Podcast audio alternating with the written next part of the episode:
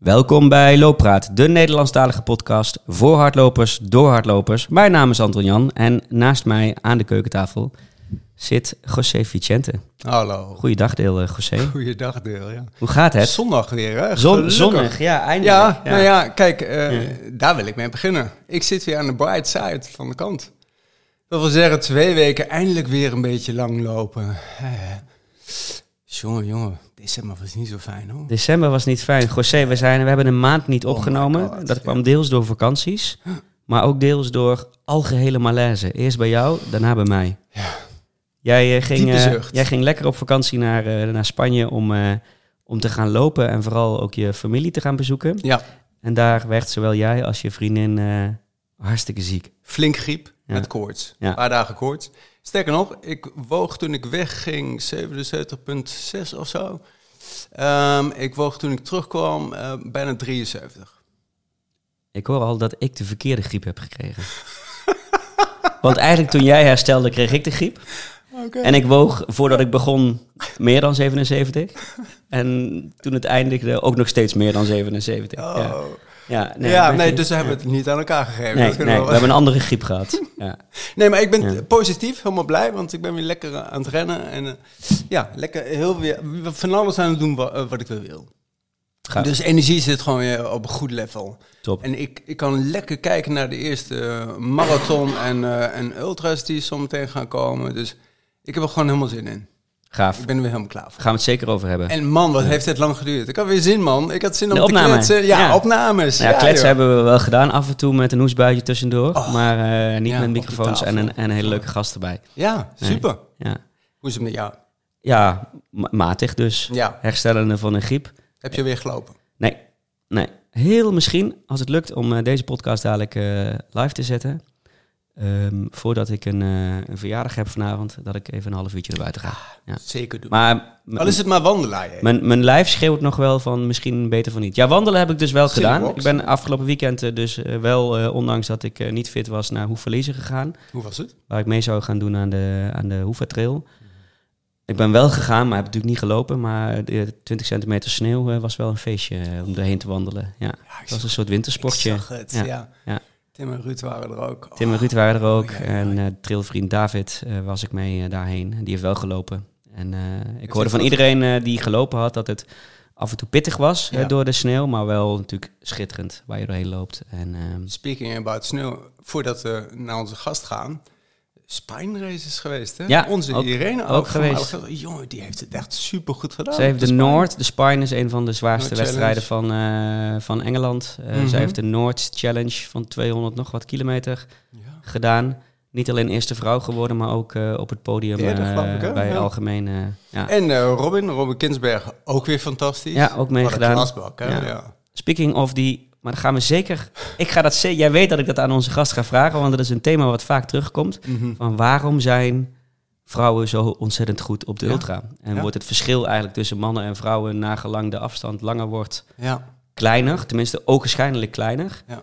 Volgens mij heeft onze gast van vandaag daar zelfs een keer een blog over geschreven. Ja, ik heb, ik heb wat Eh, artikelen dus, eh, gezien. Ja, ja. Wat dat betreft gewoon een bron aan informatie hebben we hier. En dat niet alleen. eh, ze, ze heeft ook hele andere mooie kwaliteiten nog, als ik het zo heb gelezen. Ja. Introduceer jij dat? Ik introduceer het. Vandaag de gast eh, Mariska van Sprundel. Welkom.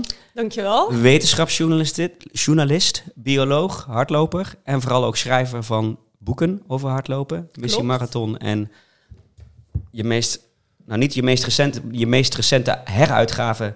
eh, alles wat je wil weten over, over hardlopen. En ook uitgebracht in Amerika, geloof ik. Tenminste Engels vertaald. Klopt, ja, hij is in het Engels vertaald. En eh, ik denk anderhalf jaar terug is die eh, in Amerika uitgekomen. Ja. Ja, Gaaf. Welkom dankjewel. welkom. Bedankt voor de uitnodiging. in eh, Ja. aflevering 68. Ja, We moesten het even opzoeken. Mariska, wij hebben altijd één hele simpele vraag voordat we beginnen aan de uitzending. Want je bent hardloper. Mhm. Ehm, je schrijft er niet alleen over, maar je doet het natuurlijk ook zelf. Eh, hoe is het allemaal begonnen met hardlopen? Ehm, het is begonnen toen ik denk ik een jaar of 19, 20 was en net op kamers was gegaan in Utrecht. Ik had een jaar lang heel veel gestudeerd, veel gefeest en niet meer gesport, terwijl ik dat als tiener best wel wat deed. En ik wilde gewoon weer aan mijn conditie gaan werken en hardlopen was op dat moment goedkoop. Ehm, makkelijk in te plannen. Weet je wel, je bent er flexibel in. En ik had ook een vriendin die ook wel wilde beginnen met hardlopen. Dus toen hebben we met z'n tweeën een schema uitgeprint uh, van internet. Gewoon het eerste de beste wat we konden vinden. Denk twee, drie keer in de week gaan lopen. En nou, de eerste keer was, uh, zoals je misschien verwacht, 200 meter lopen. En toen met de steek in de zij uh, aan de kant van de weg. Maar het ging snel beter. En ik denk dat we binnen een jaar de 10 kilometer liepen binnen het uur. En toen is mijn vriendin afgehaakt en ik ben doorgegaan, had de smaak te pakken. Ben toen nog uh, een paar jaar later bij AV Phoenix gegaan in Utrecht, de atletiekvereniging. Ja. ja, en vanaf dan wordt het allemaal wel wat fanatieker. Krijg je ook meer mee over trainingsleer, wedstrijden. En, uh, en, je, en je studeerde ook in Utrecht toen biologie. Is dat dan? Wat is ja, klopt. Ja. Ik studeerde biologie als bachelor en daarna ben ik nog biomedische wetenschappen gaan doen. En dus ook nog wetenschapscommunicatie, wat me dus uiteindelijk ertoe aangezet heeft om wetenschapsjournalist te worden. En, en, en waar kwamen die, uh, want, je, want je liep dus eigenlijk al hard voordat je aan je werkende leven begon, maar waar kwamen die werelden samen? Dat je dacht van, hé, hey, ik wil eigenlijk ook gaan schrijven over over hardlopen? Want je schrijft over veel meer dan hardlopen, maar ook over mhm. hardlopen. Ja, nou ja, ik denk dat ik toen ik dus lid werd bij AV Phoenix en ik een hele groep met loopmaatjes om me heen kreeg, die ook allemaal hun eigen opvattingen en advies hadden over, weet je wel, deze schoenen moet je aan. Uh, je moet uh, drinken uh, voor je dorst krijgt, anders ben je te laat. Weet je wel, dat soort dingen hoorde ik heel vaak. En toen begon ik gewoon te denken, ja, weet je wel, wat is daar nou van waar? Is dit gewoon advies wat altijd van loper op loper wordt overgege overgegeven? Of wat is nou de basis hiervan? Wat is een feit en wat is een fabel? Ja, ja. Is de waarheid. En soms is het niet zo zwart-wit hoor, dat iets echt een fabel is of een feit. Het is altijd genuanceerder dan dat. Ja. Maar heel vaak is er wel gewoon wetenschappelijk onderzoek beschikbaar naar dit soort onderwerpen. En ja, dat leek me gewoon heel leuk om me daarin te verdiepen. Gewoon eens uit te zoeken wat nou ja, de evidence is voor al die loopwijsheden die wij uh, aan elkaar vertellen. En wat voel je je dan meer? Meer een bioloog of schrijver? Of eh, tot welke beroep voel je het meest aangetrokken of voel je eigenlijk? Uh... Oef, ja, ik noem mezelf altijd freelance wetenschapsjournalist. En dan zeg ik er altijd bij met een achtergrond in de biologie ja. en de biomedische wetenschap. Ja. Dat omschrijft denk ik het beste. En dat helpt je enorm natuurlijk met uh, alles wat je wil weten over hardlopen, denk ik. Ja, als je wetenschappelijke papers wilt doorspitten om te kijken naar nou ja, hoe studies over hardlopen in elkaar zitten en wat de uitkomsten zijn, dan helpt het wel hmm. als je daar een opleiding in hebt geld, denk ik. Voordat je dat boek ging schrijven, wat was het eerste, misschien weet je het helemaal niet hoor, maar wat was het eerste uh, fabeltje wat jij zelf wilde ontkrachten of hebt ontkracht? Iets wat iemand ofwel bij je hardloopvereniging of in je omgeving altijd zei dat je dacht van ja, hier geloof ik helemaal niks van?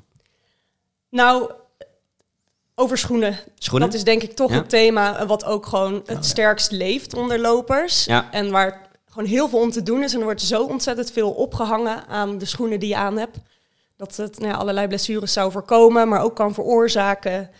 En ja, dat is het eerste onderwerp waar ik uh, ja, in ben gedoken. Onderzoekers uh, die er onderzoek naar doen over het bevraagd en gekeken wat er in de literatuur over te vinden is.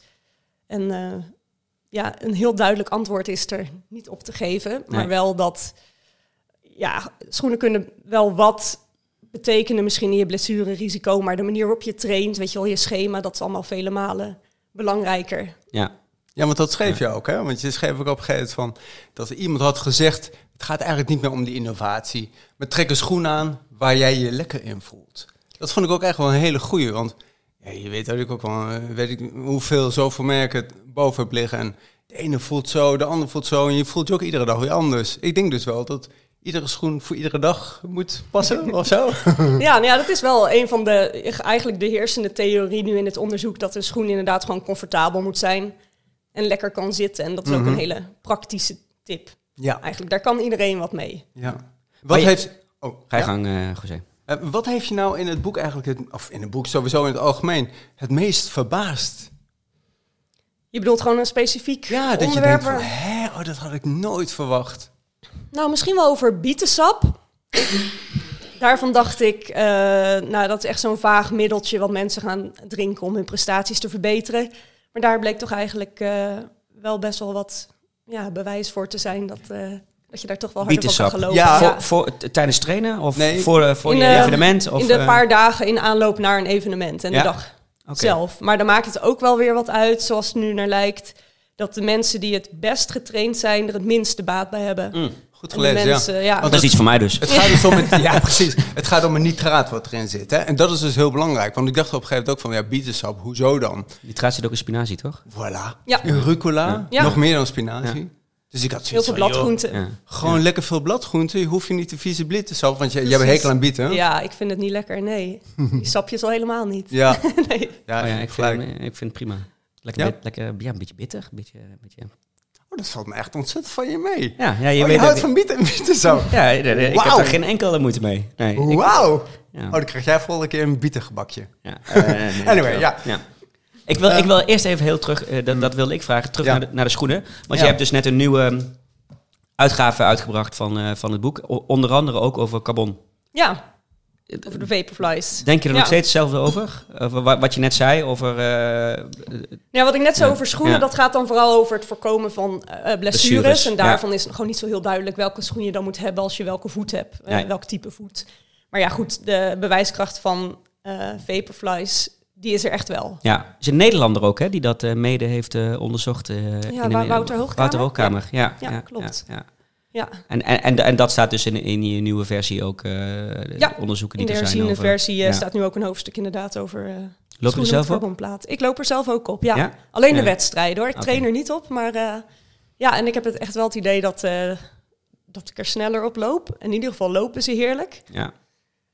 Ja, ik ben wel om. Wat staat er eigenlijk überhaupt? Het- Een vraag die we vaak... We we zijn natuurlijk meteen van het beginnen met lopen Ja. naar, naar je boek gegaan. Boom. En nu pak ik meteen door naar het einde. Wat staat er op dit moment op jouw agenda? Waar, ben je mee, waar, waar sta je qua lopen? Op mijn agenda, ja, het grootste wat er dit jaar op de agenda staat, is de Marathon van Rotterdam. Marathon. Dat wordt mijn Ja. vierde marathon.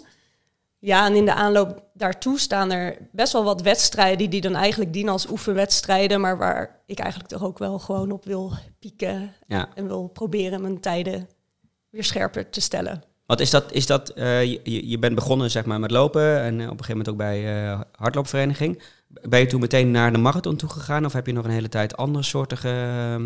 Nee hoor, die marathon dat heeft even geduurd. Daar Sowieso- schrijf je toch ook over een missiemarathon? Ja, ja, ja. Nu gaan we Ja. Missie Ja. Marathon. Ja. Ja, ja. Het zijn allemaal vragen die natuurlijk allemaal beantwoord worden in het boek eh, Missie Marathon. Maar leuk om ook eh, zo even te horen van. Ja, nou ik denk dat het idee om een marathon te gaan lopen voor het eerst in me opkwam toen ik zo 29, 30 was. Dus dat is nou, zes jaar geleden. Maar ja, zoals je ook kan lezen in het boek, heb ik altijd te maken gehad met blessures en ook wel fors. Ik denk dat ik zo'n twee, drie maanden per jaar wel uitgeschakeld was eh, door blessures. Wat het ook heel lastig maakt om op te bouwen.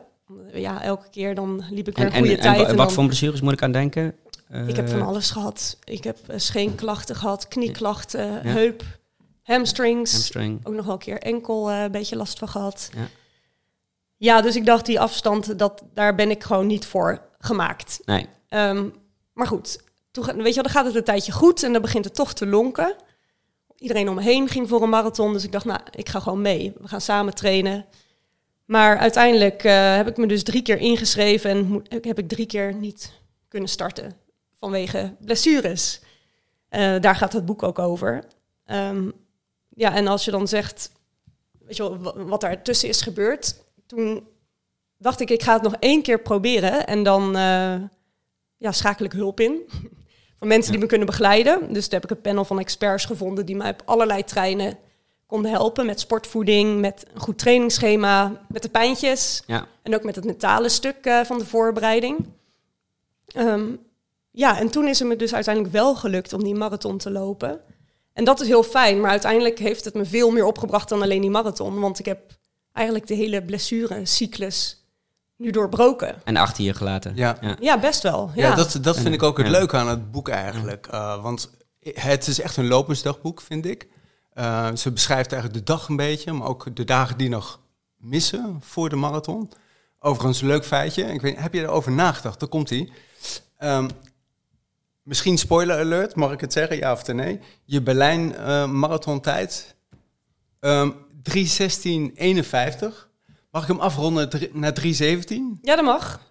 Dit zijn 317 pagina's. Serieus? dat wist ik niet. Daar hebben we uh, getalfetischist uh, José uh, Vicente weer helemaal gelukkig mee gemaakt. Dat, ja. Nee, dit is ja. niet... niet bewust. Niet bewust nee. gedaan, Super grappig. Ik heb wel een, een, een, boek over de marathon wat precies 42 hoofdstukken heeft. Maar daar was wel over nagedacht. Maar dit is een toevalletje. Ja. Toeval. Ja. Goed, daarna heb je gezegd van ik ga dus naar de marathon van Boston. Die heb je ook. Dus je hebt er nu drie in totaal gedaan en je gaat nu naar Rotterdam. Ja. Je zei uh, panel, wat je had samengesteld. Mm ongetwijfeld toen ook al in je hoofd van... hey, hier moet ik misschien iets mee uh, schrijven... en kijken wat ik van, van wie leer en dergelijke. Dus je hebt het waarschijnlijk ook allemaal bijgehouden. Ja. Wie in het panel heeft je... Wat, wat in dat panel heeft je het meest geholpen, denk je? Om die cyclus te doorbreken? Um, mijn trainer. Ja. Die gewoon een geschikt schema heeft opgesteld. Ja. Um, en die waarschijnlijk ook naar die andere facetten keek van andere mensen in dat panel? Of echt alleen maar naar, naar het... Uh, nee, hij was wel echt voor tra uh, trainingsschema. Ja. Ja. en het verschil was... Uh, dat zou je misschien op het eerste uh, gezicht, of zeg maar... Um, wat hij mij wilde bijbrengen is om juist meer te gaan lopen. Terwijl ik dacht, ik heb al blessures, ik moet minder lopen, meer rust nemen. Maar daardoor word je eigenlijk ook alleen maar minder belastbaar. Um, dus hij zei, we gaan het anders doen. Je traint nou drie keer in de week en eigenlijk best wel hard, weet je wel, hoge tempo's en kortere stukken. We gaan het uitsmeren over de week en je gaat vier, vijf keer lopen, maar dan wel rustiger aan. Dus we hebben uiteindelijk het, ja, de omvang ging denk ik van, eerst train ik denk gemiddeld 32 kilometer in de week en hij wilde eerst naar die 50 gaan als basisbelasting. Um, ja, en dat scheen dus gewoon heel erg goed te werken. En ik vond het in het begin frustrerend, want ik mocht ook mijn intervals dus echt maar heel rustig lopen. 200 Het moeilijkste, de wat, het moeilijkste wat er is. de Ja. Langzaam lopen. Ja, en helemaal als het een interval is. Ja, en dan sta je met je club op de baan en zij lopen allemaal door en ik moest mijn rondjes rustig doen. En dat hebben we toen, uh, nou ja, denk ik een jaar zo gedaan voordat de tempo's dus eindelijk een beetje omhoog gingen. Ja. Maar het heeft me dus wel echt geholpen om eerst eens even een goede belastbaarheid Ja. te kweken en vanuit daar weer wat eh, snelheid op te gaan bouwen. Ja. Nou, en je had ook een mentale coach, noem ik hem even. Ja. Jannik heette die, geloof Ja, ik. Jannik Balk. Ja, ja. Ja. Ja, hij is sportpsycholoog. ja. Wel mooi hoe hij daar ook... Altijd positief, las ik ook zo. Zeker. Wel mooi hoe, dat, hoe hij je daar zo in begeleid heeft. Want ik merkte wel eens dat je gewoon wel echt wel hè, een beetje down zat. En dan ja, ga ik het wel Ja. halen. Heel veel twijfels. Ook, maar Heel ook, veel twijfel, ja. wat, wat denken andere mensen van mij? Ja. Heb je dat nog steeds? Ben je nog, nog steeds een beetje twijfelachtig en wat anderen je Wilde, dat wilde Willem? Albers ook graag weten. Oh, oké, of je ja. de enorme twijfels die je had tijdens Voilà. je marathonavontuur Ja. achter je hebt gelaten. Ja, als eerst moet ik trouwens misschien even zeggen dat een boek ook wel soms een beetje een vertekend beeld geeft. Want het is inderdaad een dagboek waarin ik veel opschrijf nou ja, wat er gebeurt. Er staat ook heel veel dagen bij dat gewoon, weet je wel, alles gaat gewoon goed. Ja. Maar ja, dat is niet zo boeiend om op te schrijven. Dus dat kan soms misschien een beetje negatief overkomen. Maar anderzijds waren die twijfels en onzekerheid er echt wel heel erg. Ik kan je vast eh, vertellen dat iedere marathon heeft ermee te maken. Ik heb het Ja. ook nog steeds bij grote wedstrijden. Twijfels komen altijd. Ja. Dus welcome to the club. Het gaat Ja. meer om hoe je daarmee omgaat, toch? Ja, tuurlijk, tuurlijk. Precies. Ja. weet je, en als je dan drie keer, ja, om het maar zo te zeggen, gefaald hebt in, op, op weg naar zo'n marathon. Ik wilde gewoon heel graag dat het dit keer wel zou lukken.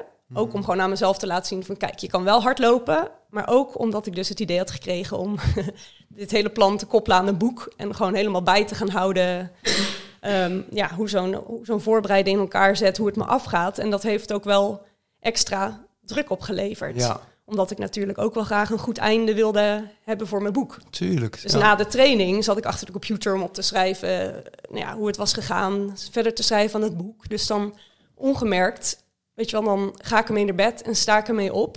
Dus het werd ja, best wel iets groots ook in mijn hoofd wat ik lastig van me af kon zetten. Ja, En toen begon er toch weer een klein pijntje op te treden. Ja, en toen de knieën. ja, de knie. Ja. Ja. ja. en dan kwam dat hele riedeltje wel weer op van, ja, zie je, Mhm. ik eh, moet het gewoon bij de korte afstanden houden. Dit is gewoon niet voor mij. Ja, En dat, eh, ja.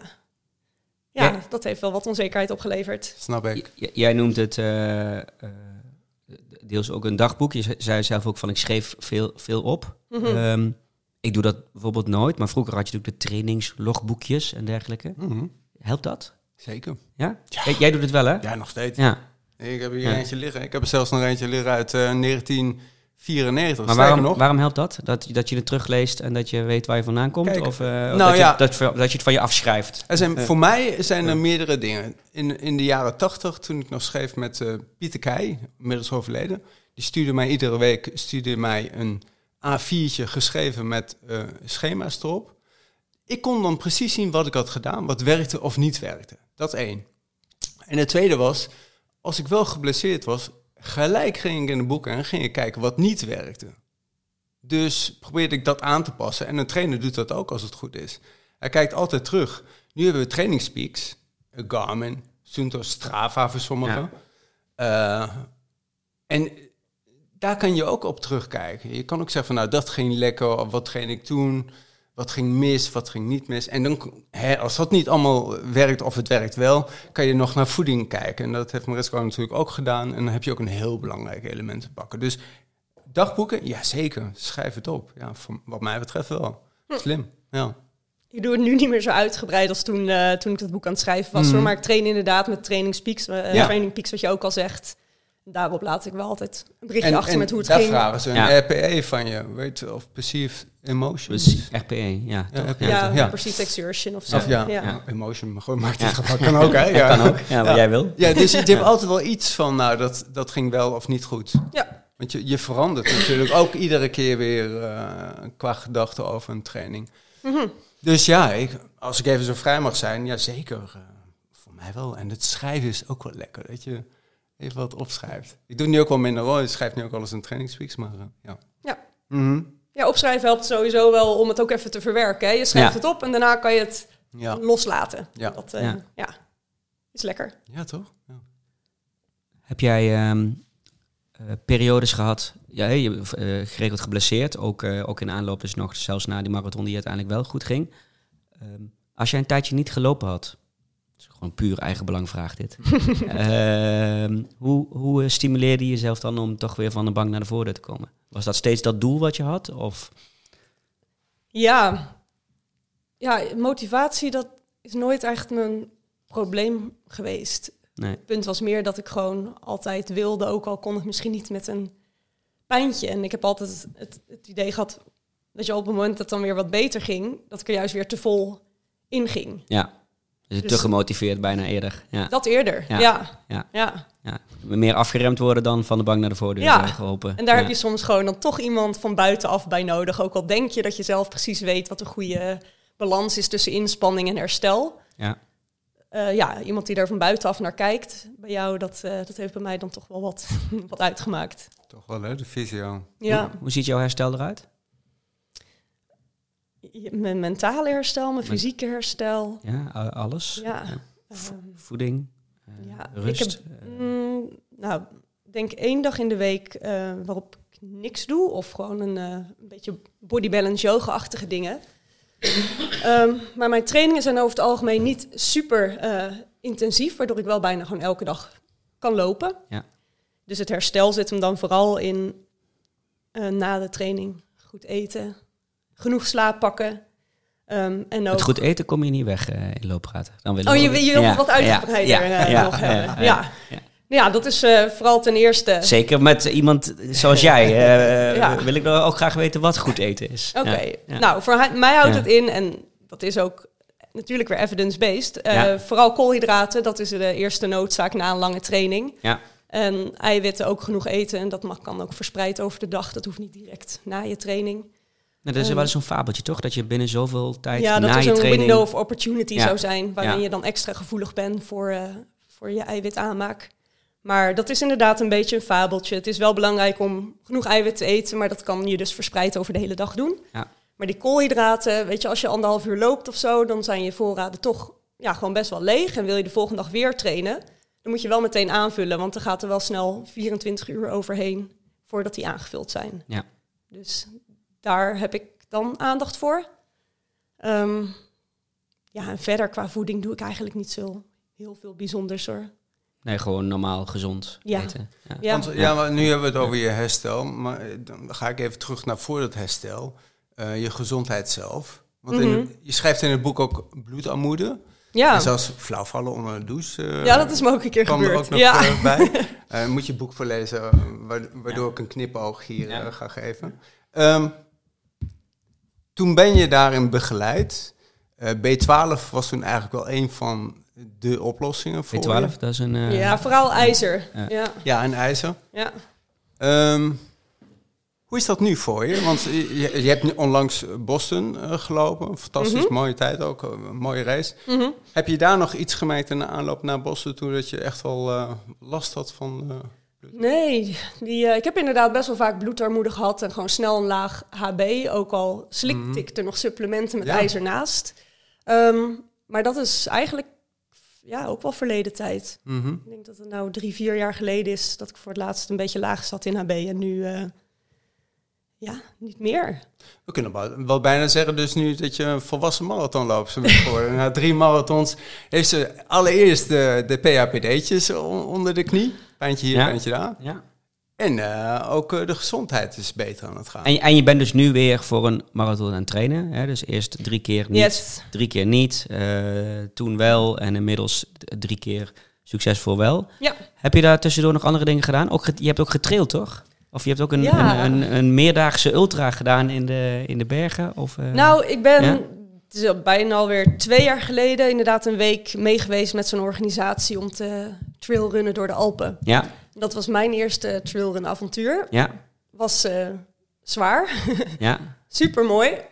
Ja, ik ben nog steeds een groentje op dat gebied en het heeft ook het is niet echt mijn ambitie om daar nu. Uh, waarom waarom deed je het? Omdat je het wilde ervaren? Of omdat je er. Want je, je hebt er ook over geschreven. Was, ja. was dat de aanleiding? Of gewoon omdat je het interessant vond om eens te weten. Nou, het leek me gewoon was. heerlijk om Ja. op hardloopvakantie te gaan. En weet je wel, nu Ja. train ik ook wel vaak ehm, over de Utrechtse heuvelrug. Gewoon voor mijn lange duurlopen zoek ik het liefst toch wel het bos op met een klein beetje hoogteverschil. Ja. En het leek me heel vet om dat dus een paar dagen achter elkaar te doen. En mijn eigen trainer die eh, doet dat ook. Dus Ja. ik dacht, nou, dan ga ik met hem mee. Ja, ehm, heel veel spierpijn gehad. Gewoon van de hoogtemeters. Want ja, Mm. omgeving Utrecht is echt zo eh, plat als een pannenkoek, zeg maar. En, dit eh, was in, in de Alpen of in de. dit was in de Alpen. ja, Ja, in ja. Italië. Italië, mooi. Ja, Ja. Dolomieten? Of? Ehm, Val Formazza was Ah. het. Nou, Le Cornoge, hè? Ik ben gisteravond naar Acht Bergen geweest, de film. Ah, daar wou ik Oh, het nog over hebben, maar Ja. niet nu. Ja, dat, eh, dat is een heel, mooi, heel mooi boek over de Oh, ja. eh, Italiaanse Heb je een Alpen. gelaten of niet? Eén keer bijna, Bijna? Ja, bij ik het lezen van het eh, journal. eh, Ja. over. ja. Ja. Ja. Ja, Ja, sidestep. Sorry. Ja. Eh, in de Ja, Alpen. nee, maar- Ja. Hey, Ja, maar, eh, ja, ja. en pijn natuurlijk van de bepakking ook. Want pff, je had ook een, misschien iets te veel bij je. Of, Ja, ik weet niet zo goed wat, wat te veel is. Volgens mij zat Mm. ik aardig aan het gewicht wat, eh je wat ermee geadviseerd werd. Mm, ja, je kan ermee rennen. Ja, Mm. maar ik vond die eerste kilometers met de rugzak van, wat was het, 7 kilo? 7 kilo. oh ja. Dat- Ja. ja, dat kan je. Ja. Ja. Ja. Je dat is volgens mij precies het aantal kilo's wat iedereen... We hadden heel even over de spine. Wat zij Mhm. volgens mij ook eh, continu mee trainde. Ja.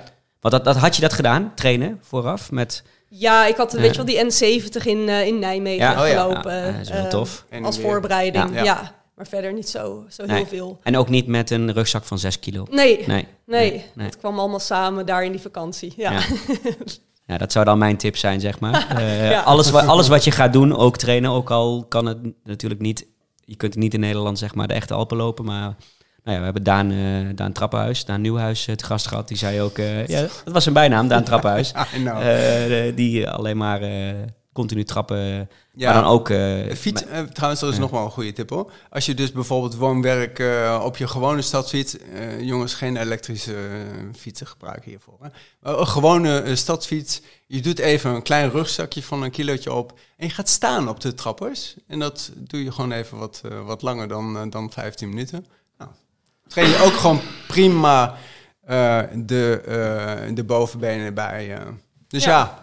Dat werkt ook. Maar dat was wel een compleet nieuwe eh, ervaring voor je natuurlijk. Ja, eh. en ik dacht denk ik van tevoren ook dat je dus vooral heel goed moest zijn in lange afstanden eh, lopen. De voorwaarde was ook om mee te gaan dat je een halve marathon binnen de twee uur kon lopen. Ik dacht, Ja. nou ja, dat kan ik. Mhm. Maar uiteindelijk was mijn conclusie dat je toch veel meer hebt aan bergervaring en Mhm. hoogtemeters in de benen... Ja. dan dat je een mooie vlakke marathon Wil je nog een keer hebt terug? gelopen. Ja. Ja, Heb zeker. je iets op ja. het oog? Nog niet heel specifiek. Mm. Maar ik heb vorig jaar ook nog een klein trailrun weekje gedaan in Duitsland. Oh ja. was ook leuk. En ja, Ik zie het trailrennen toch Dit, een dit beetje was als geen wedstrijd, hè? Dit was een, Nee, een, eh, gewoon een meerdaagse eh, ja, met precies, z'n allen. met een groep Ja, vrienden en dan ja, gewoon van plek naar plek lopen. Vijf Ja. dagen. Ja, Ja, nou die plekken zijn er meer dan genoeg. ja eh. precies. En, en, en wat, wat, mijn, wat mijn tip dan zou zijn, niet alleen voor jou, maar ook voor luisteraars. Pak dan gewoon een route van een bekende wedstrijd. Hè, de, de UTMB of de Ultra Trail Monte Rosa of de Lavaredo.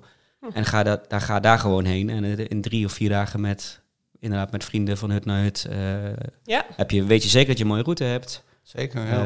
Ehm, alleen allemaal wat relaxter dan eh, in de race-modus. hè? Ja. Hè? Hey, Yes. Mariska, dat kan jij wel zien, ik ook. Maar lezers, eh, of uh, lezers, Luisteraars, luisteraars, niet. ik met al die boeken hier voor mijn neus, niet. Je hebt een heel leuk plaatje om je, in je nek zitten. En die komt ook terug in het boek. Wa- Wat staat erop, eh, Mariska? ja, ik heb inderdaad een kettingje om en daar staat op eh, Run the mile you're in. Het is eh, ja, mijn motto, denk ik. Ja. Ja. Hoe voelt dat voor jou? Die tekst? Ehm, ja, dat is een beetje mijn houvast. Ik heb hem niet meer, meer elke keer om tijdens wedstrijden. In het begin wel. Ehm, om eraan te denken, als het zwaar wordt, om vooral dan toch in het moment te blijven. Met je hoofd bij de kilometer waar je nu in zit. Mhm. Ehm, en niet zoveel te denken aan alle kilometers die nog voor je liggen. Want dan kan je toch een licht paniekerig gevoel van krijgen. Ja. Een mental breakdown. Ja. Dus eh het leek me gewoon mooi eh, symbolisch om dat op een kettingje te laten zetten. En het, ja, weet je wel, buiten hardlopen heeft natuurlijk ook betekenis. Om je niet te veel zorgen te maken over iets wat wellicht of misschien wel nooit gaat komen in de Ja. toekomst. En wat meer. Het, Ja. k- het klinkt maar ook een beetje als van, wees in het nu. Ja, Ja. Eh, Koen, Koen en. Klaas hebben trouwens zo, hè, ook voormalige gasten, ook vrienden. Ja. Die, die hebben ook een podcast. En Koen zei, ik, ik hoorde het gisteren nog even toen ik hem luisterde, ook iets moois. Dat is dat apana, dat hem, eh, ik weet niet of ik het goed uitspreek, maar het bewust ademen. Dus op het moment dat jij gewoon bewust bij je ademhaling bent, op dat mom- moment, ehm, is er ook geen ruimte voor, voor andere negatieve gedachten van, joh, pff, ik moet er nog 15, hoe ga ik het in hemelsnaam doen? Dus weer terug naar die ademhaling. En heeft hij uren, uren getraind eigenlijk in, in, in die jaren tijd. En eh, nog wel langer dan uren natuurlijk. En dat heeft hem wel heel erg teruggebracht naar, naar zijn eigen zijn. Dus een heel simpel toeltje, dus let op die ademhaling. heb je dat zelf wel eens geprobeerd? Jazeker, ja. En wat houdt het dan in? Dat je dus gewoon let op je in- en uitademing en op verder Zo- op niks. Zodra het moment komt Bijna een soort meditatie. dat jij, gewoon. ja, zodra het moment komt dat jij gewoon in je gedachten afdwaalt, dus Of negatief, negatief. Ja. afdwaalt, Ja. ehm, gelijk het moment oppakken van, oh hey, eh, nee, dit is niet waar ik wil zijn. Ik ga naar mijn ademhaling. Waar is mijn ademhaling? Ik volg mijn ademhaling. En eh, puur alleen dat. Ja, Puur alleen dat. vind ik wel interessante dingen. Mhm. Want ik denk vanuit eh prestatieopzicht, zeg maar, dat Ja. er daar voor mij nog heel veel te halen is op dat Ja. mentale vlak. Ik heb zelf altijd, eh, als, als het eventjes minder gaat, niet alleen de ademhaling, maar ook voeten, knieën, Mhm. houding, ademen en focus. Dus echt eh, eventjes een riedeltje, continu die riedel. Loop ik mooi, adem ik goed en door. Ja, klinkt wel als iets wat je moet oefenen. Ja. Ja, Beter in moet worden. ja. Ja. Ja wat, wat, wat ik zelf eh, interessant vind, is, is het... We, we hebben natuurlijk niet, niet alleen eh, over waar jij, waar jij over schrijft, maar ook in allerlei andere magazines, et cetera, et cetera, hebben we natuurlijk steeds meer over evidence-based en de wetenschap. En dit is goed, dit is de juiste tra- eh, trainingsmethode, en dit is de juiste kleding en de juiste schoeisel, et cetera, en voeding, et cetera, et cetera. En het hele mentale deel Mhm. staat natuurlijk eigenlijk een beetje haaks daarop. Hè? Ik, ken ook leuke discussies, onder andere tussen Koen en, en, en Hans Koeleman. hè. Eh, Koen die nu met- heel veel met strijd traint en dergelijke. ja. En, en Hans die dan gewoon zegt van, eh, ja, maar je moet gewoon, eh, weet je wel, je moet, een marathon is, eh, gebeurt ook gewoon in je kop. Ja. Ehm, maar dat mentale is natuurlijk ook gewoon deels evidence-based. Ja hoor. Heb je, heb, jij, daar- heb je daar ook naar ge- gekeken? Of komt dat ook terug in je... Ja, ja, ik heb wel gekeken ook naar Hm. strategieën tijdens het lopen, tijdens van zo'n marathon die je kan toepassen Ja. dan om inderdaad beter te presteren. Maar er zijn ook wel dingen bekend over bepaalde mindset, waardoor je dan meer of minder kans loopt ook op blessures. En ja, er is genoeg Ja. theorie over te vinden. Ja, ik kan, ik kan me ooit een verhaal herinneren van eh Kipchoge. eh, dat, dat het lachen zelfs helpt. Mhm. Eh, dat je lacht tijdens het lopen. Ja, dat dat ook wetenschappelijk bewezen was. eh, ja, dat ja. je dan toch wat eh, positiever weer Ja. voelt dan... eh, ja. ja. Nou, dus het lachen met apen is wel weer anders. eh. Dat schijnt alweer iets agressiever. Anyway. Anyway, rubrieken. Oh nee, trouwens, die, oh. die strijd, maar als we nog even... Ja, ja we hadden ook een vraag over Stride. De strijd, hè? Ja, ja. Stride. Ja. we hadden het even Jerry Cornelissen. Wat vind jij van Stride? En loop je er zelf ook mee? Um, ik loop daar zelf niet mee. maar ik ken eigenlijk alleen uit de verhalen van anderen die daar wel heel erg enthousiast over zijn. Ja. En daar ook wel goede resultaten mee boeken om gewoon op zo'n bepaalde wattage te blijven lopen of vermogen. Um, ja, in die zin vind ik het wel interessant. Maar ik ben zelf niet zo heel erg van, van de gadgets. Ik loop ook niet met een uh, hartslagmeter, maar gewoon op tempo. Ik vind dat allemaal een beetje te veel data en te veel gedoe om dat dan elke keer om Dit vind ik interessant voor een wetenschapsjournalist. ja. Lekker ook, dat is gewoon je Misschien is dat inderdaad. Ja, ja, ik zeg, daarom vind ik het ook interessant. Ik ook, ja. ja. als het op een lopen aankomt en ik ga zelf lopen, vind ik toch gewoon hoe het voelt. Gewoon, zeg maar, die subjectieve ervaring, daar haal ik dan toch meer uit dan uh, al de cijfers achteraf. Ik kijk er wel naar, maar dan is het vooral uh, wat was de snelheid en wat was de afstand. Ja. Um, ja, weet je, ik ga nog steeds vooruit. Ik loop mooie tijden, dus um, ik heb ook het idee ja, goed, misschien valt er nog wel meer te halen om het allemaal nog, nog wat gerichter aan te pakken hoor. Maar ik denk dat het voor mij misschien ook wel een beetje, klein beetje meer de lol eraf zou halen. Ja. Want als ik met al die apparatuur uh, bezig ja, ben. Wat, daar gaan we, we gaan nu veel verder kijken ook. Want wat, is het de app die ook niet, die nu ook al de glucosemeter in zijn arm had? Of uh, Elliot. En ik, ik ben nog steeds echt helemaal stookt van wat als we dat zweet nou makkelijker kunnen analyseren. En vooral voor de ultra's natuurlijk, en ook de marathon mm. eventueel. Van hé, hey, ik kan echt het tekort aan sodium of natrium. Dat we dat echt kunnen analyseren. Dat zou fantastisch zijn. Want dat kunnen we nu ook al met zuurstof. Met horloges. In een horloge. Ja. en je kan al zeggen van nou, ik schat gewoon ongeveer dat je zoveel vocht hebt verloren. Dus drinken, drinken, drinken. Maar hoe mooi zou het zijn als dat bijvoorbeeld in dat elastieke bandje of zo die er omheen is, dat het wordt opgenomen en gelijk wordt geanalyseerd. Ik vind dat wel super lachen. Jij zou dit gebruiken. Uh, en, en, luister, hè, ik, ik ben geboren met het hardlopen met een Casio horlogetje en een, mhm. eh, een, een, kaart. En dan ongeveer, nou, dit was ongeveer 10 kilometer. Uh, Dus dit, dit, is helemaal nieuw natuurlijk voor mij ook. Maar ja, ik zou het wel echt super grappig vinden. Wat ja, jij? Ik, ehm, ik, ik heb een, je weet dat ik een haat-liefde verhouding heb met gadgets. En, uh, dus ik loop altijd. Wat, wat ik overigens wel wil zeggen, ik zie dat jij ook een horloge om hebt. Ik wil graag dadelijk weten welke. Want je loopt niet met een uh, hartslagmeter, maar wel dus met, met een, uh, een smart horloge. Dat zijn de Garmin's. Ik, ik, ik, heb dus de Garmin, de Phoenix. Mm -hmm. En um, ik, ik, maakte vroeger wel eens het grapje als mijn vrouw s ochtends vroeg hoe heb je geslapen. Dan zei ik, oh sorry, even, even op mijn Garmin kijken. Um, ja. Maar de afgelopen week, en benieuwd wat jij hiervan vindt de afgelopen dat ik ziek was, alles sloeg uit. Negatief. dus, dus mijn horloge weet wel degelijk dat het niet goed met me ging. Ja. Terwijl ik niks had ingevoerd, niks had gedaan. Niks en dat was bij mij dus ook zo. En bij jou ook zo. Mijn maar waarschijnlijk doe je dat ook heel goed zelf als je wakker wordt. Oh ja, ja weet, zeker. Ja, ja, nee, nee, nee. Dus ik had niet mijn horloge nodig om dat te, te, te weten. Maar het, was, het, het klopte wel. En dat vond ik wel interessant. Uh, oh ja, want volgens mij kan dat ook allemaal best wel goed gemeten worden. Maar ik zou het vooral zien als een aanvulling op hoe je jezelf voelt, dan dat je die cijfers leidend laat zijn voor wat je moet doen. Nee, eens, eens. Nee, zo ben ik ook. Dat, bedoel ik ook bij mijn haatliefde vrouw. Denk Ja, maar ik vond het wel interessant. Maar, waar, waar, loop jij mee? Met, uh, ik heb een Garmin, Garmin? Forerunner 245. Oké, okay. Enduro en Phoenix. Nou, Garmin, als je meeluistert. uh, Enduro 2 uh, kan ik wel jij nog wensen. Oh, wil jij hem testen? Ja, ik wil hem wel testen hoor. Ja, ja. Volgens mij hadden de jongens van Looplijp hem in de, in de testpanel zitten. Ze okay. hadden meegeluisterd. Ja, dus ik dacht, nou ja, misschien luisteren we ons mee. En er, hebben we nog meer vragen? Ja, kom maar door. Ja, nee, ik, wilde eigenlijk een rubriekje doen, maar ook prima om even een, uh, om een, uh, om een vraag tussendoor te doen. Dit is een vraag van um, um, Ir 1E, Iri, Irie. Um, excuus, ik weet niet hoe je het uitspreekt. Um, er zijn zoveel verschillende manieren waarop er over hardlopen wordt gedacht en gepraat. En vooral in de praktijk wordt gebracht. Hoe vindt Mariska dat we als hardloopcommunity het beste mee om moeten gaan? Even nadenken, hoe, wat, wat is exact de vraag?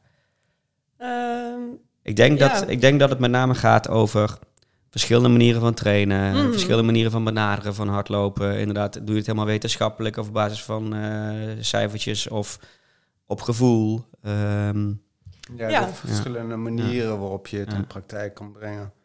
Nou ja, ik denk eigenlijk dat het leuk is dat er veel verschillende manieren zijn om hardlopen te benaderen. En weet je, ik denk ook, de, de grote lijnen staan wel vast. Dat je, iedereen weet dat je in een trainingsschema niet alleen maar elke week moet opbouwen, maar af en toe een stapje terug moet doen. Iedereen weet dat je koolhydraten moet eten op een marathon. Weet je wel, dat zijn gewoon de vaste lijnen. En daarbinnen kun je je eigen invulling eraan geven. Ja. En dat is ook wat je ziet bij trainingsmethodes. Weet je wel, elke trainer heeft zijn eigen visie. Ehm, ja, en misschien dat het een net wat beter past bij jou dan het ander. En Dat daar is kan dat- je dan dat door ook vooral, ervaring toch? achter komen. Ja, Ja. ja. En het levert er altijd weer mooie gesprekstof op. Discussies. Toch? Ja. Ja, ik vind dat alleen maar heerlijk. Eh, nou ja, nog een keer terugkomen op, eh, op, op, op Koen en Klaas, een podcast ook. Maar ook de, de, daar hebben ze natuurlijk ook geregeld over dat Koen, vroeg, Koen vroeger altijd met sportrusten en het 14 kilometer schema Ja. eh, Ja. bezig was. En daarna helemaal los ging op stride. En nu doet hij het gecombineerd. Nou, dat Ja, vind ik alleen maar precies. super tof, weet je wel.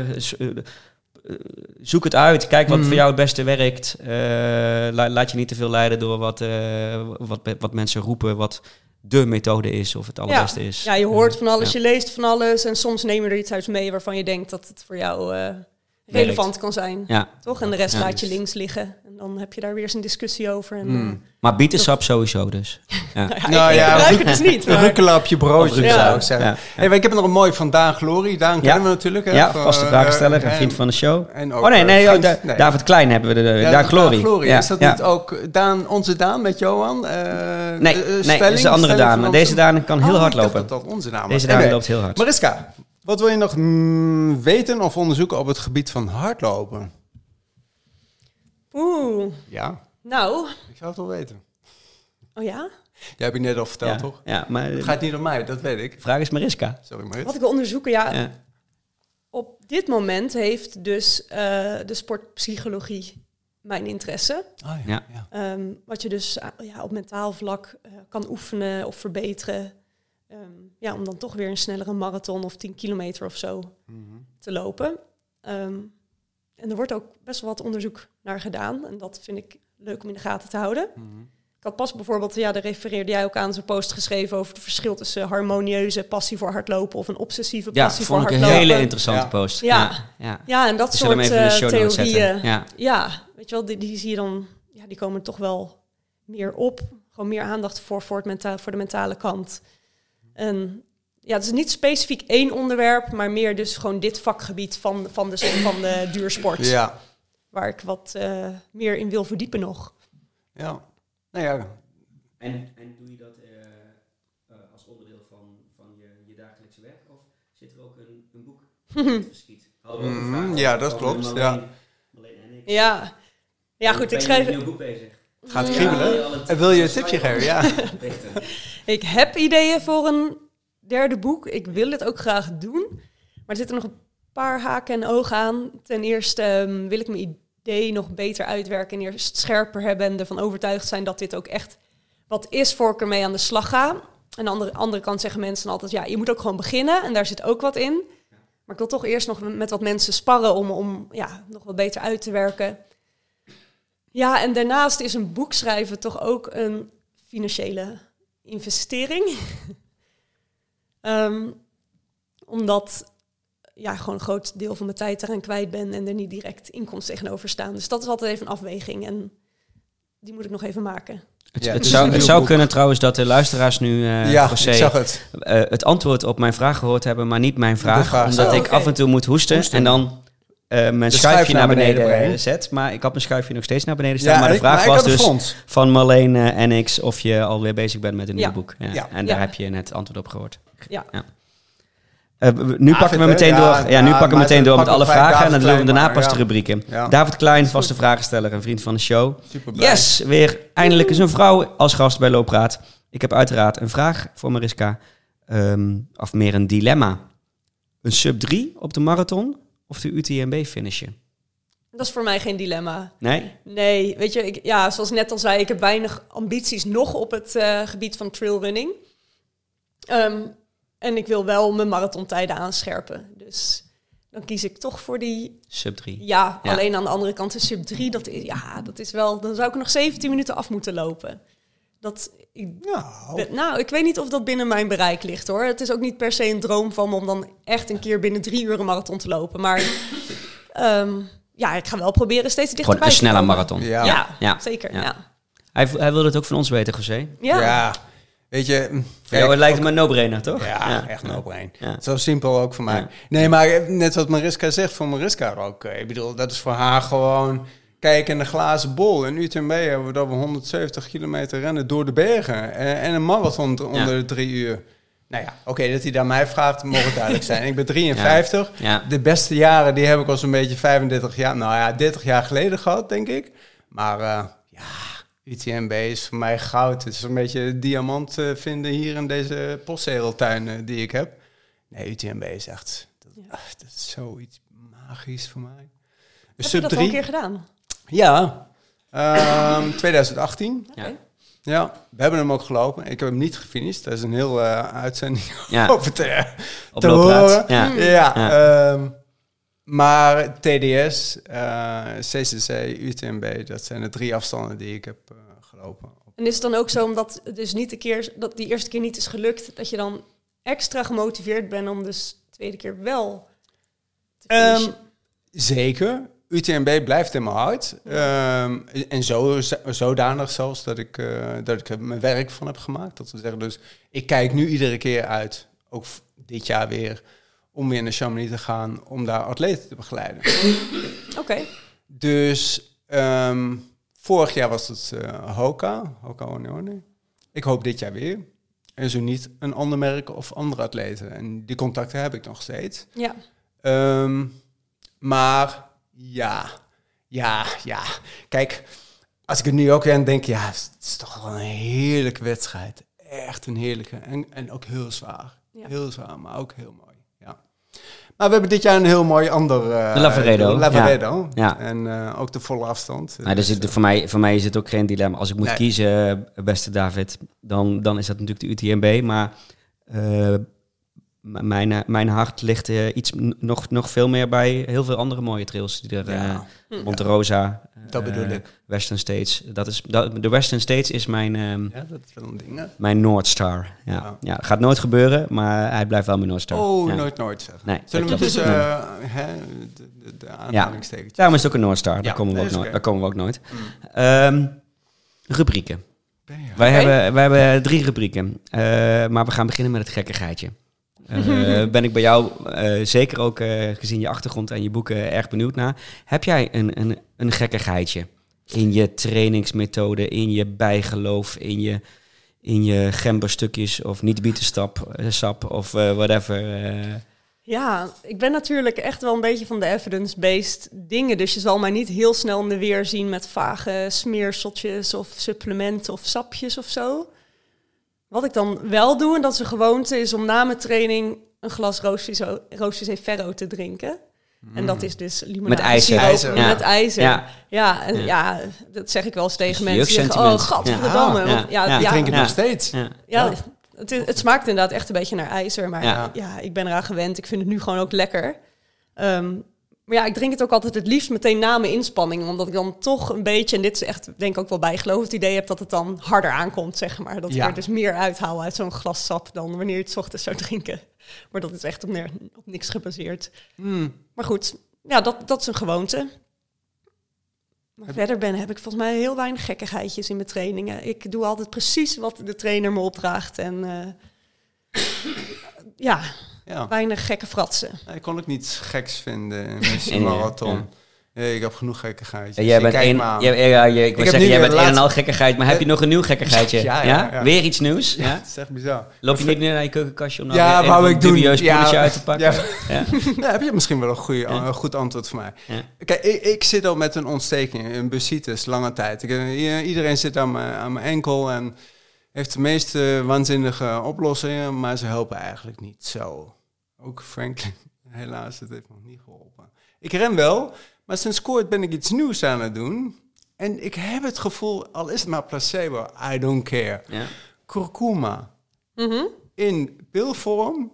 Kurkuma, Ehm, dat is een met soort, maximale een soort dosis. gemberachtig iets, toch? Nee. Geelwortel. Geelwortel. Jit. Ja, ook een wortel. Ja. Ja. Ja. En dat schijnt de ontstekingswaardes in je lijf omlaag te brengen. Dat doet gember geloof ik ook. Ja, ja. Ehm, blauwe bessen doen dat ook. Want ik ben er natuurlijk gelijk gaan uitzoeken wat doen. En laat het nou ook net allemaal favoriete dingen voor mij zijn. Dus ik ben met mijn gekkigheidje ontstekingswaardes ben ik gewoon aan de slag gegaan. En die kurkuma, sinds dat ik het neem, lijkt alsof ik iedere dag gewoon beter en langer kan lopen. Het zal niet En doe je al die ingrediënten nog maar bij elkaar in de blender en je maakt er een sapje van en je drinkt het op? Ja, je Of, moet of smeer je nu het op wel, je enkel. Ja. Eh, nee, eh, je moet nu wel opletten, want eh, als je te veel van dit soort spul inneemt, eh, kan je last krijgen van je lever, want het ontgift je lever ook. Dus ehm, het brengt de ontstekingswaarde omlaag, ontgift de lever. Nou, ik zeg, we hebben een nieuw gekkigheidje, maar ook een goeie. ja, maar hij- jij weet, heb je er wel eens iets over gehoord? Over ik heb er wel iets over het- gehoord over geelwortel of kurkuma en ontstekingswaarde, maar wat de strekking ervan was, dat weet ik eigenlijk niet meer. Nee. Ik, want ik had dus een, een, een, een heel kort verhaal nog, wordt dit weer zo'n lange uitzending. Ik had, nog, een- ik had interessante cliënten op, eh, op mijn tafel liggen. En nu had ik een man uit Münster. Die kwam binnen van, ja, ik ben mijn eigen huis aan het bouwen. Super interessant al. En die vertelde, ja, dat ken ik wel, kurkuma. Want eh, mijn moeder en mijn hele familie eigenlijk, die doet dat ook eh, voor het cleanen en ook ontstekingen. En als we iets hebben, dan moesten we dat altijd innemen. Dus ik dacht, nou ja, 1 en is 2. Is het gek genoeg, uh, dat Ja, dat is gek genoeg. Ja, ik, ik moet nu ineens denken aan, Ja. aan een gekkigheidje wat ik een jaar of eh, 10, eh, 15 geleden had. En ik, ik moest er toevallig gisteravond in de bioscoop bij Achtbergen ook eh, aan denken. Ik, ik ga al redelijk lang, eh, sinds ik mijn vrouw ken, naar Vertan. Dat is een heel klein dorpje in, eh in Graubünden in Zwitserland. Waar ze nog retro-Romanisch spreken en waar echt de, de tijd heeft stilgestaan. Net zoals Leuk. in de Achtbergen, zeg Mhm. maar. En daar ging ik ook trails lopen. En die mensen die wij daar dus kennen, die, die zeiden van... ja, je moet een keer murmeltierencrème eh, smeren. Wat voor crème? Murmeltierencrème. Die hadden ze daar ook in de drogist liggen. Maar dat is, een murmeltier is een eh alpenmamot. En daar wordt crème van... van eh, ja, er is murmeltierencrème. Eeuw. Ehm Wacht is even. een beetje vetachtig eh, is Gaan het. ze het beestje... Nou, dat, dat wist ik Eh, nog niet op het moment dat ik natuurlijk meteen naar de drogist ben gegaan en die murmeltierencrème gekocht heb en gesmeerd heb. En Ja. het werkte ook echt. Weet je, wel, eh, ja, een soort magnesiumachtig effect had het. eh, Wat doet dit? Het houdt ja, ik weet het allemaal niet meer, maar ik heb het gesmeerd. Maar En- toen hoorde ik inderdaad dat, dat de beestjes daarvoor wel ook het nekje omgedraaid moest worden. Oh, dus toen ben ik er maar weer mee gestopt. Oh, ja, want ja. eh, zoals je weet is de murmeltier mijn lievelingsdier. Ja. En met name de murmeltier tegenkomen in een trail. Dat is eigenlijk mijn, mijn meest Dat je bijzondere... gewoon echt niets ziet en dat je in één keer Je hoort ze eerst, in de verte hoor je ze eerst fluiten en dan eh, als je op het juiste moment eh, de, de Ik dacht dat stilte een rondloopt. vogel was trouwens. Murmeltier, Eh, nee, dat is een... eh, de- eh, ja. het geluid natuurlijk. Oh, dat geluid. Nee, dat is dus de murmeltier die je hoort. Dat is eh, zijn eh, angstroep. Ja. Er komt een hardloper aan. Ja, ja. En dan hup, gaat hij het gat weer in Ja, en weer uit. Ja, superleuk. Geweldig. En, eh, Ah, we gaan naar de PHPD geloof ik nog. Nee, nee, Of, eerst, eh, nee, nee, eerst nog de lees en eh, de, de, de, de lees, En- luister en Kijk. kijktip. Hè, we zullen natuurlijk sowieso eh, jouw, eh, jouw boeken en Ja. jouw blog en eh, publicaties in de show notes zetten. Ze lezen, ja. Maar heb je daarbuiten nog een, een lees, kijk of luistertip voor onze luisteraars en ons? Ja, een eh, leestip. Het is een boek wat ik vorig jaar heb gelezen. Dat, eh, het heet Het jaar dat eh Shizu Kanakuri verdween. En dat is een eh, Japanse marathonloper. Ja. Ja, ik heb erover gehoord, maar ik heb het niet gelezen. Het is van Ja? ja? een Italiaanse auteur, Franco Faggiani, denk ik dat hij heet. Ja, en dat gaat dus over een, een Japanner ehm, aan het eind van de 19e, 19e eeuw. En zijn vader ehm, is een vertrouweling van de toch? keizer. Het is losjes gebaseerd op het leven van Shizu Kanakuri. En dat was inderdaad een Japanse marathonloper. Maar voor de rest is het volledig gefictionaliseerd. En het gaat dus over dat hij in 1912 in Stockholm eh, de Olympische marathon gaat lopen. Als eerste van zeg maar ja, de keer dat er een Japanse delegatie is.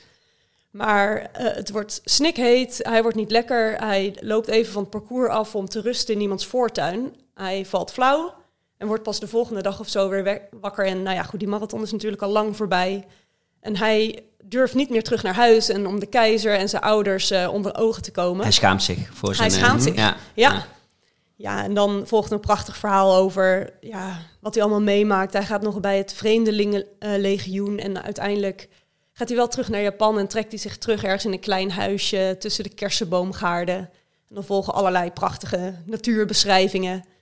En dan, ehm, ja, ik weet niet hoeveel ik moet vertellen eigenlijk, maar Ja, Uiteindelijk ja. wordt hij opgespoord weer door een Zweedse journalist als hij al oud is. Met de vraag of hij toch nog die marathon uit Ah, mooi. En dan doen Ja. we de spoiler alert er niet in. Nee, Nee, nee. die doen we er niet in. Nee, Die- hij stond de laatste- destijds op mijn lijstje, maar Ja. hij komt er nu weer op. Ja. Ga hem ja, lezen, Ik heb hem ja. helemaal Ja, gemist. en Ja. deze man die, he- die heeft dus echt bestaan. Alleen, en hij heeft ook inderdaad eh, die eh, Olympische marathon gelopen in 1912. Maar, en is toen ook niet gefinished, samen met heel veel anderen. Vanwege, het was gewoon veel te warm. Ja.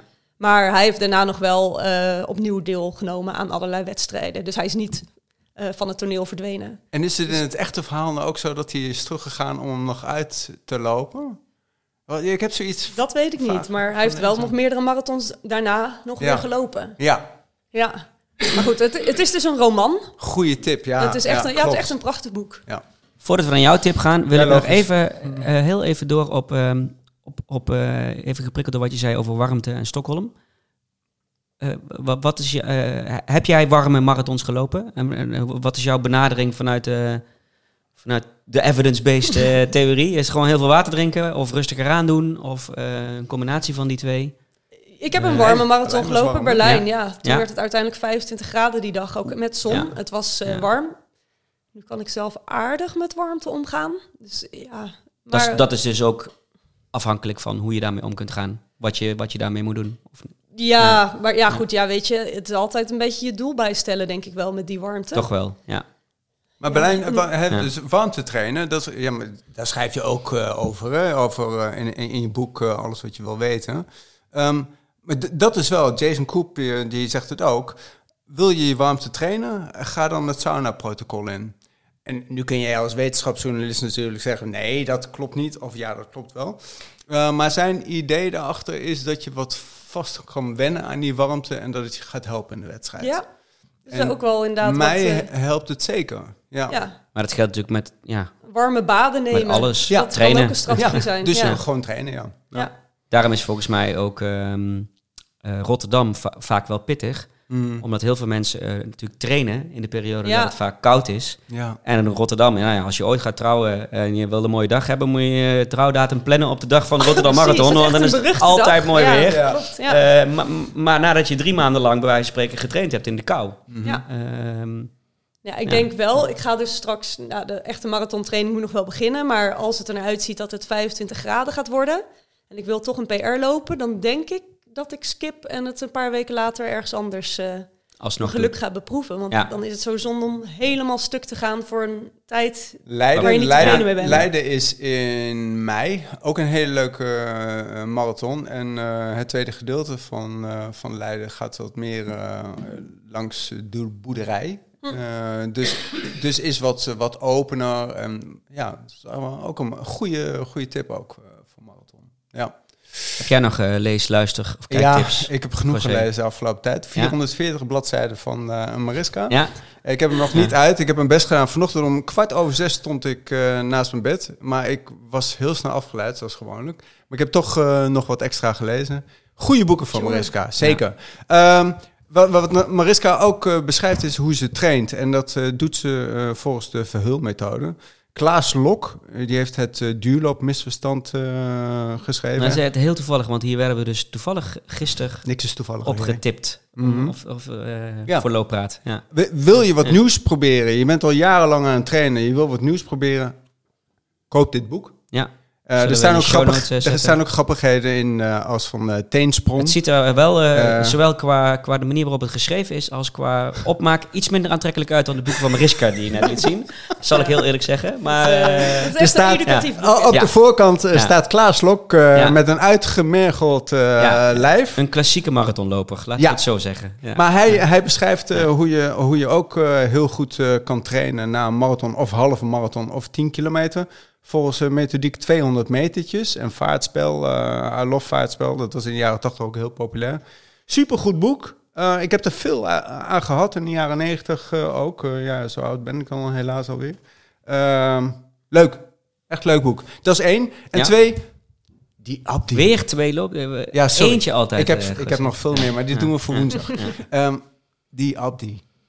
Oh man, ik krijg echt rillingen De over... biografie over van Abdi. eh, Abdi. Ja, Ja, ja. ik had hem al een tijdje liggen, maar nu met die ziekte dacht ik, hè, hè, eindelijk.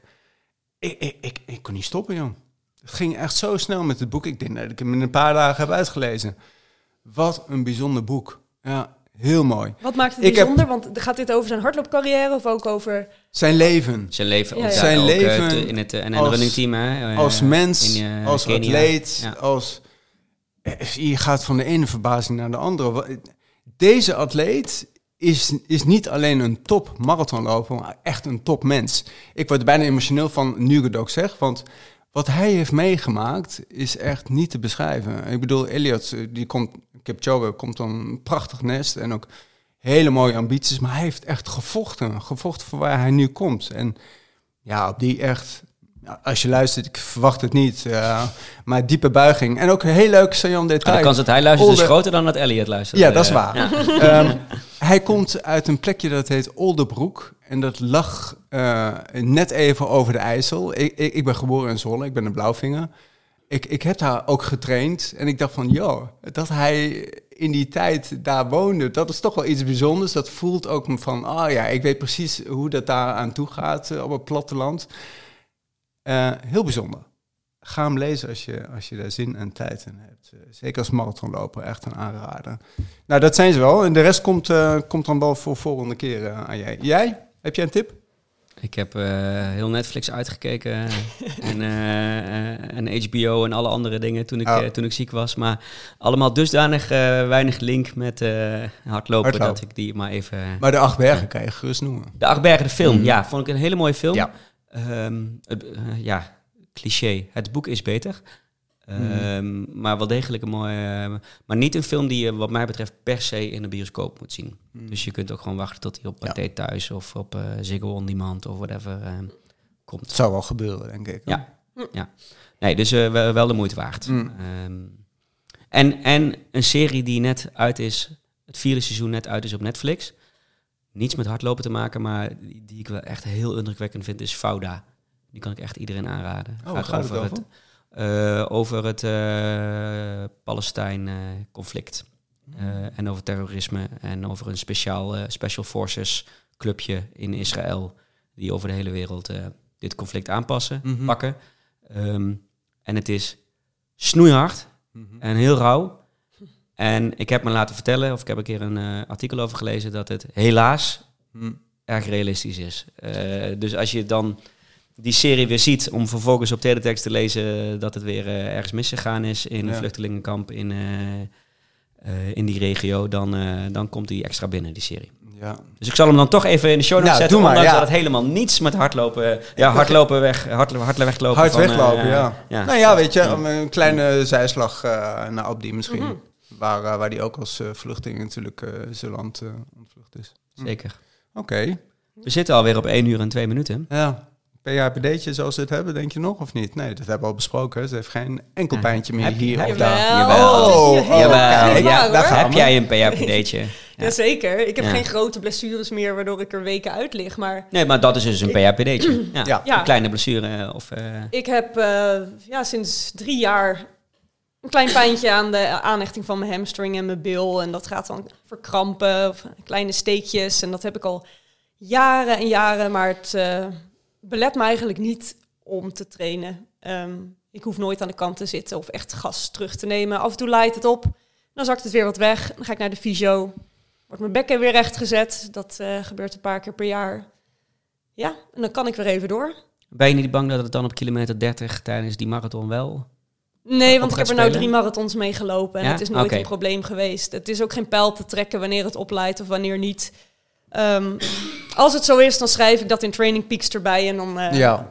Gaan we de komende week even ietsje rustiger trainen. En dan eh, gaat het meestal vanzelf Maar beter. hij begeleidt je goed. Hij zet je bekken weer, eh, weer recht. Ik, eh, ik, ik ken het eh, pijntje trouwens. Ja, Het is precies eh, aan je os, eh, dus aan het botstuk, zeg maar. En eh, precies waar het botstuk is. Heb ik zelf ook gehad. Hm? Ging ik eerst heel erg lang eh, rekken en rekken. ja. Dat maakt het alleen maar erger. Don't do that. Oh, Precies de andere kant op. oké. Dus eh, ehm, eh, je, rekt, je rekt precies die andere spier die aan de voorkant Beste van luisteraars, ik ben Ja. zo blij dat wij opnemen zonder video. Ja, je doet het even voor. Ja, hij doet het even Ja. voor. Ja. Ja. Dus, hm. Hè, en, en als je direct krijgt de ander wat meer ruimte. Ik ben benieuwd wat, eh, wat, eh, wat je visie daarvan vindt. Maar eh, hij zet je in ieder geval al recht en eh, helpt je verder tot kilometer 30. Gaat dat goed, toch? Ja. Sowieso tot kilometer. Ja, joh, ja, dat is toch fantastisch. Ja, hoor. Ja. Ja, ik ga hier niet over klagen. Ik bedoel, ik kan gewoon Ja. lopen. En eh, ik hoop dat het ooit nog een keer wegtrekt. Dat het gewoon een pijntje helemaal verdwenen is. En anders is het ook goed. ja. En, en als je in het algemeen naar pijntje hier, pijntje daar kijkt, daar, daar schrijf je dus onder andere ook over in je in Mi- missie marathon dan vooral, hè, eh, hoe, je, hoe je daarmee eh, omgegaan bent. Ja, Ehm, een, een, een, een- een, een tip voor luisteraars, meer vanuit je, je wetenschapsjournalistiek in. Hoe, hoe- als mensen ergens een pijntje hier, pijntje daar hebben, wat kunnen ze het beste doen? Ehm, nou ja, ik ben eh, nu altijd dat ik toch wel vrij snel bij de fysio op de stoep sta. Omdat ik denk, Ja. ja, toch baat het niet, dan schaadt het niet. en heb je dan Liever, een eh, fysio die, die hardlopen snapt en Ja, kent? een en, eh, hardloopfysio. ja, dat is Ja. wel, dat is wel een tip ook. Ja. Dan dus, ja. En Ja. ik ga er nu ook mentaal op een heel andere manier mee om dan eerst. Ehm, ik berust er vaak eerder in denken, nou ja, het is even wat minder. Nou, dan doe ik een tijdje gewoon wat minder accepteren. Ehm, ja, en dat klinkt heel makkelijk. En Ja. Dat is het niet altijd. Maar eerst had ik wel de neiging om toch snel een beetje te gaan catastroferen. Van, oh nee, weet je wel, mijn doelen, het staat nu allemaal eh, op losse schroeven. Dat komt vast niet meer goed. En nu probeer ik er wat relaxed mee om te gaan. Ja. Ja, je hebt nou wel eenmaal eens een pijntje, heeft iedereen. Nou Ja. dan nemen we toch wat gas terug en eh, we kijken wel. Ben, ben je dan zelf, eh, eh, weer even vergelijken naar de blog, die we zeker ook even in de show notes zullen zetten, over obsessieve... Ben je van obsessief naar, wat was de andere? Eh, Harmonieus. Harmonieuze Nou, verslaving gegaan, zeg maar. Ik ben Ja. nooit echt Ja. obsessief geweest hoor. Want dat gaat nog wel wat verder. Dat je gewoon hardlopen boven alles plaatst. Ook je, weet je wel, boven andere activiteiten zoals je Mhm. werken, je gezin en dat soort Ja. dingen. En dat je echt alleen maar doorgaat. Ook al heb je pijntjes, ben je ziek. Zo erg is het bij mij nooit geweest. Maar ik herken het wel. Ze zijn er wel veel nu, hè? Die mensen. Mensen die dat hebben. Ja? of op zijn minst dat uitstralen op hun Instagram-kanaal. Oh, Ja, Eh, ja.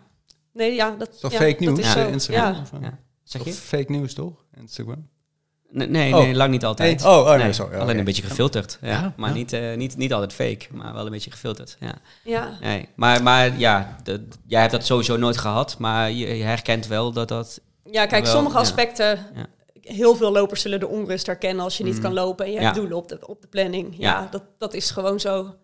Maar ehm, als je wel een stapje terug kan doen, dan val je al in de categorie van een harmonieuze passie.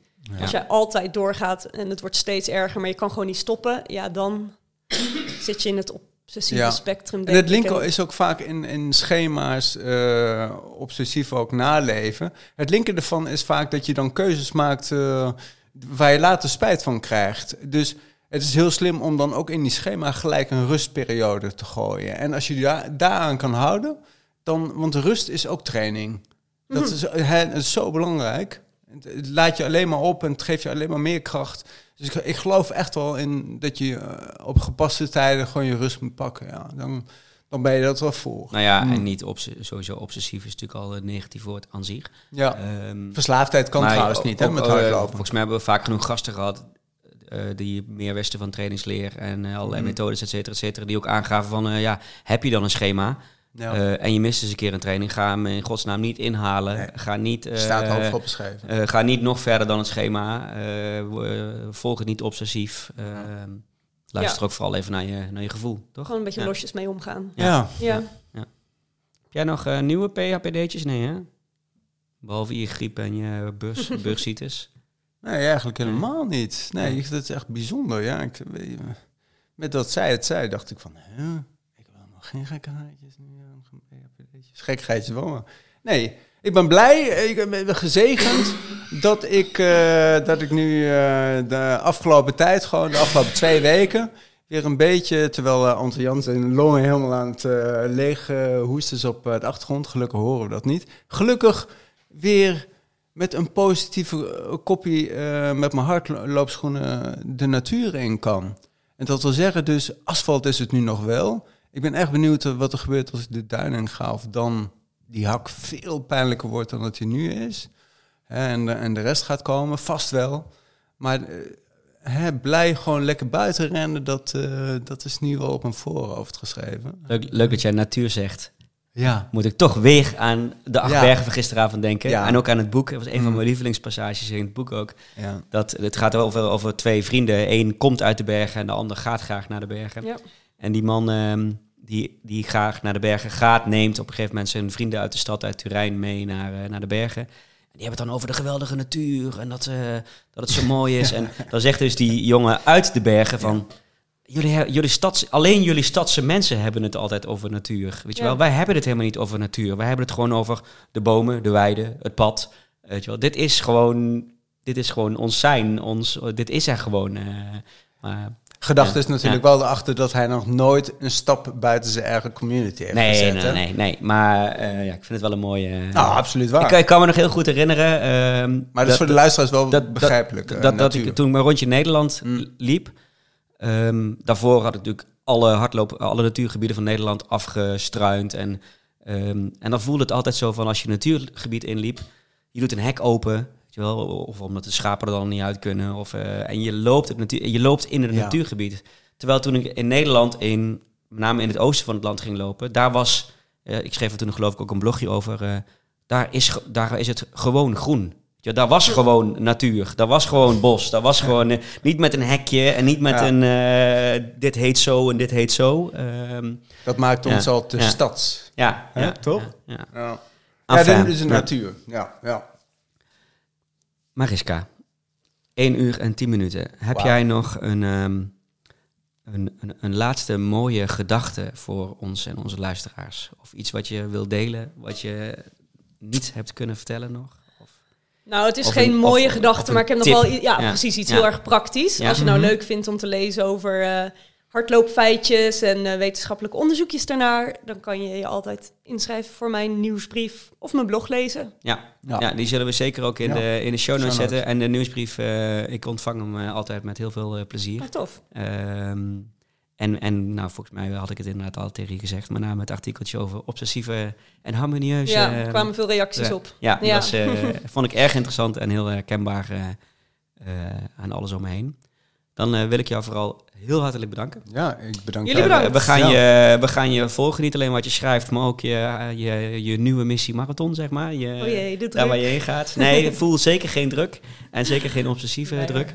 Ehm, Nou, mogen we een klein beetje druk opvoeren. Want mag ik, mag ja. ik dan één vraag nog doen? Heb jij... eh, nou, nee, dat doen we Oh, ook ja. helemaal niet. Jawel, heb ik je ga tijd in je vragen... hoofd? Ja, Ja. dat ga ik vragen. Die mag jij zo meteen in mijn boek Niet die sub schrijven. 3, maar... Eh, ja. Je tijd. En dan eh, kan ik eh, met paars. Ja. En dan kan ik kijken of ik je daar nog aan eh, kan eh, committeren later. Lijkt me superleuk hoor, in ieder geval. Ga ik doen. Ehm, super, ja. Eh, oh, fantastisch. Ah, niet sub Fijn. 3 dus. Dat wordt niet... Zeker niet. Nee, Nee, hoor. nee. nee. Nou ja, 313 is mijn geluksgetal. Ja, nou ja, Ja. dan als we nog even palindroom door... zeker. eh, Ja, een ja. palindroom. Ja, ja, Ja. ja. Als we nog even doorkletsen, dan zijn we bijna bij, eh, bij je geluks... eh, Eh, 1, uur de, 1 uur 13. Ja, 3 uur 13 wordt wel heel lang. Nee, nee super bedankt Mariska. Ja. Ehm, ik moet nu nog even het eind... eh, jij ook bedankt eh, José. En luisteraars bedankt.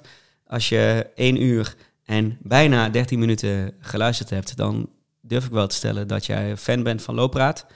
Ehm, dat vinden we super fijn. eh, maar we vinden het ook fijn als je dat eh, wil uitdragen. Dat kan op heel veel manieren. Je kunt eh, ons volgen op Instagram, op loopraad.nl. Kun je je inschrijven voor de nieuwsbrief. Je kunt ons een beoordeling geven op Apple Podcast en op Spotify.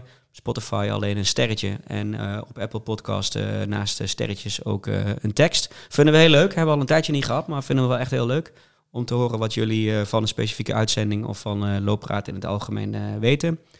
Je kunt ons ook steunen op loopraad. of sorry, vriendvandeshow.nl slash loopraad. Eenmalig of, of vast zijn we heel blij en heel gelukkig mee. Daarmee kunnen we mooie apparatuur betalen, maar ook allerlei hostingskosten en andere zaken die, ehm, die Loopraad kost. En dan rest mij niets anders dan luisteraars te bedanken.